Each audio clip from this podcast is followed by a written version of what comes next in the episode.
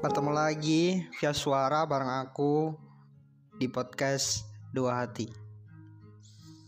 Gimana kabarnya di tahun ini minggu pertama? Ada apa? Ada kisah baru kah? Atau masih sama saja? Oke, kali ini aku mau bacain sebuah pesan dari temanku. Langsung saja, tanpa berlama-lama, tanpa berlama-lama lagi, langsung bacain. Hai, sengaja aku tulis ini sedikit lebih larut untuk memastikan bahwa tidurmu lelap di malam ini. Jujur, detik-detik setelah kita resmi menjadi dua orang asing adalah masa-masa yang berat untukku.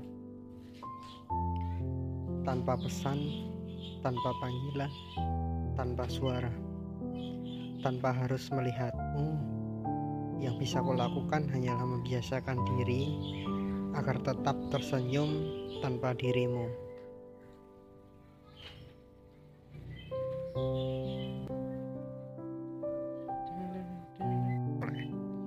Rindu pasti. Kurasa kau pun tahu bahwa perpisahan ini jelas sekali bukan inginku. Tapi mau bagaimana lagi? Kau tidak memberikanku pilihan selain menyerah. Kau tidak mengusulkan apa pun selain aku harus mengaku kalah pada hubungan ini. Ya sudah, maka biarlah begitu. Mungkin pilihanmu terlahir atas bahagia yang tidak kau temukan padaku. Singkatnya, pilihlah jalan terbaik yang kau bisa ambil, sebab aku tetap mendoakanmu dalam sebaik-baik doa dan kesibukan-kesibukan yang tengah kau jalani sekarang.